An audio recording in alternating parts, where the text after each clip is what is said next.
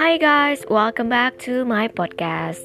Nah kali ini gue mau berbagi cerita tentang Earl Nightingale Yang di mana Earl Nightingale ini sama juga sudah banyak jadi mentor para orang sukses Dan dia itu sempat buat buku yang berjudul Believe and Succeed The Power of Thinking Pasti kalian penasaran banget kan kenapa semuanya itu kebanyakan bukunya ting ting ting ting ting ting ting Mereka selalu bilang untuk berpikir-berpikir.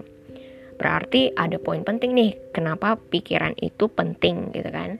Dan ini sudah kita bahas, sudah gue bahas tepatnya di podcast-podcast sebelumnya, kenapa itu penting banget. Nah, si Earl Nightingale ini, dia cerita nih, kalau misalnya untuk kita punya 30 hari sukses challenge, itu juga penting selama 30 hari kita bikin satu pola khusus kita untuk mengubah pattern atau pola yang biasanya kita kerjakan. Biar hidup kita juga berubah karena sama kayak Napoleon Hill bilang bukan hanya Earl Nightingale yang namanya kita hidup itu kenapa kita nggak berubah? Karena pola hidup kita tetap sama. Makanya pola hidup kita perlu diubah. Dan itu penting untuk perubahan diri kita sendiri Coba bayangin kalau misalnya kita nggak coba, udah pasti gagal. Karena kita aja belum coba presentasi gitu kan, walaupun sudah bikin persiapan untuk bahan presentasinya.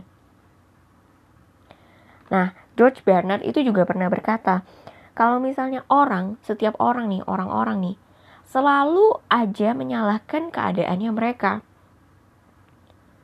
Kalau mereka itu nggak percaya sama yang namanya keadaan.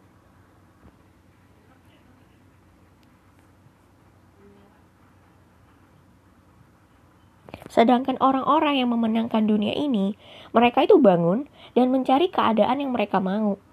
Bukan keadaan yang mereka bisa keluhkan setiap hari. Kalau misalnya mereka nggak bisa temui nih, mereka bakal buat. Karena kita akan menjadi apa yang kita pikirkan. Dan kenyataannya, apa yang kita familiari, apa yang kita merasa itu sudah menjadi kebiasaan, ya akan melahirkan kepuasan buat majuin ini ide ke lebih lanjut gitu kan ya. Maksudnya entah cari investor entah apa. Dan akhirnya ya udah itu hanya untuk ide aja gitu ide lomba. Dan ini end lomba yang gue hadirin itu walaupun temen gue akhirnya ngoceh-ngoceh ya karena mereka yakin gak menang lah apalah pokoknya negatif banget deh sebelum lomba aja udah negatif gitu kan bakal bakal mau gagal juga. Sampai akhirnya gue bilang ya udah gue sendiri aja yang maju gitu kan tapi akhirnya bertiga datang bertiga hadir bertiga presentasi.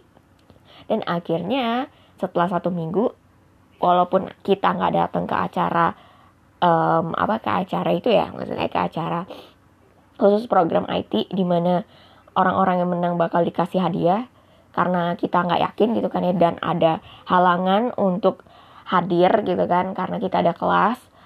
Tapi ya hebat banget Tuhan itu. Kenapa? Karena kita bisa jadi orang yang dapat juara tiga gitu. Dari total peserta sekitar 50 orang. Dan ya itu luar biasa banget. Kenapa? Karena hal yang nggak mungkin untuk orang ya bisa aja jadi itu bisa aja mungkin. Nah William Shakespeare itu pernah ber apa ya bilangnya ya? Bukan berkomentar sih tapi lebih tepatnya quotesnya dia pernyataannya dia kalau misalnya dia bilang, keraguan kita itu pengkhianat besar. Dia bisa membuat kita itu hilang rasa untuk menang. Padahal mungkin kita bisa menang.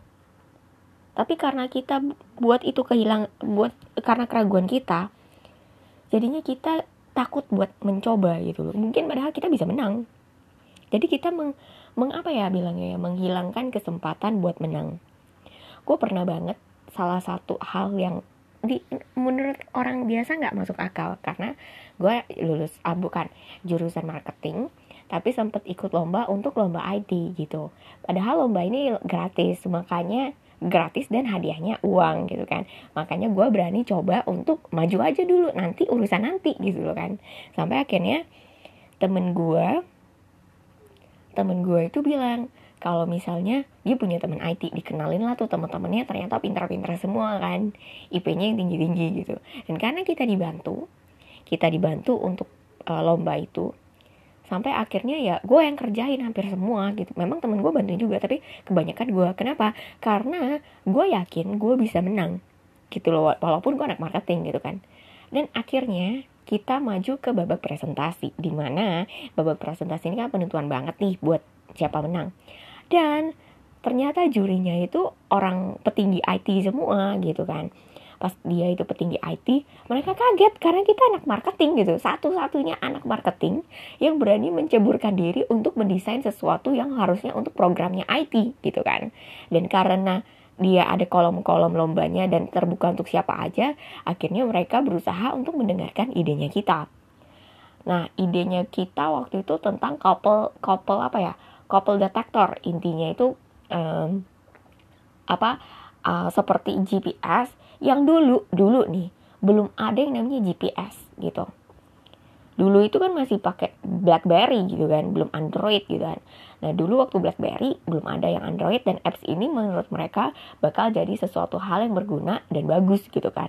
Dan akhirnya ya kita tetap nggak kepikiran buat majuin ada empat hal penting untuk menggapai hidup yang indah yang bisa jadi milik kita.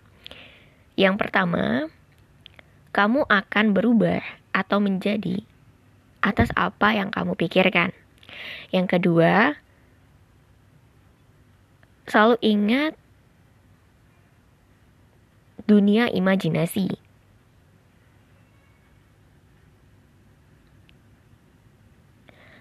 Biarkan pikiran kita itu yang mencari, berimajinasi, dan menunjukkan jalannya ke sana. Yang ketiga, keberanian. Selalu fokus pada goal setiap hari. Yang keempat, simpan 10% dari apa yang kamu punya atau apa yang kamu hasilkan. Yang kelima, action. Kenapa sih goal yang jelas itu penting? Goal yang jelas ini penting biar kita tahu ke mana kita mau mengarah. Juga goal ini perlu juga ditaruh di satu kartu. Nah, satu kartu ini bukan hanya Earl Nightingale yang ngomong, tapi Bob Proctor juga ngomong hal yang sama. Ditaruh di situ biar kita bisa tiap hari ngelihat goal kita apa. Selalu berpikir tentang itu. Ceria, senang, seolah-olah kita tuh sudah dapat itu.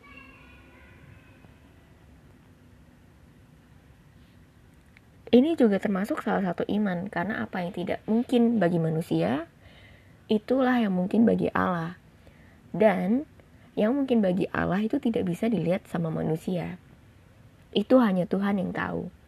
Tuhan akan memberikan jalannya kalau misalnya memang itu tujuan atau goalnya sesuai untuk kita.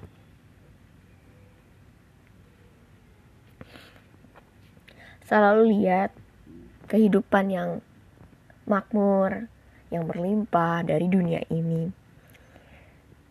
Memang ini susah sih, gue juga aku ini susah banget buat cari sesuatu yang lo bisa syukuri cari sesuatu yang bisa lo lihat makmur indah gitu kan.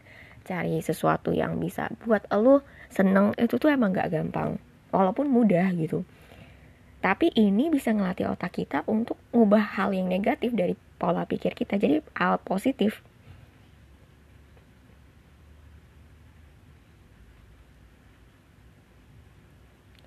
makanya orang-orang yang nggak sukses sama hidup ini mereka itu ya nggak percaya keajaiban bisa terjadi.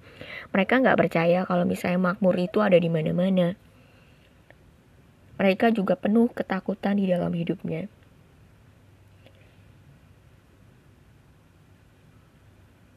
Makanya kita perlu untuk mengubah hal negatif jadi positif pikiran kita terutama agar kita merasa goal kita itu layak memang ada saatnya kita mau menyerah sama goal kita kayak ngerasa nggak mungkin. Tapi ketika itu datang, kita perlu cut dan ubah jadi positif. Dan itu perlu dilatih. Makanya cuma 5% orang yang sukses di dunia ini nggak banyak. Sampai akhirnya kita nggak berubah. karena kita sudah biasa gitu dan kebiasaan ini memang harus dirubah biar kita uh, juga berubah dan jadi lebih baik lagi jadi kita perlu putusin nih sekarang emang apa sih yang kita pengenin apa sih goal yang kita pengen capai di dalam pikiran kita kita itu pengen jadi seperti apa kita sendiri yang nentuin bukan orang lain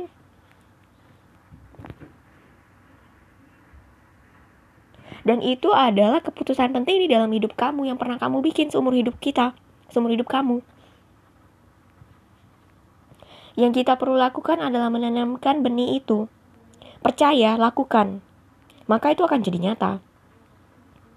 Karena kita semua tuh terakumulasi dari apa yang kita pikirkan.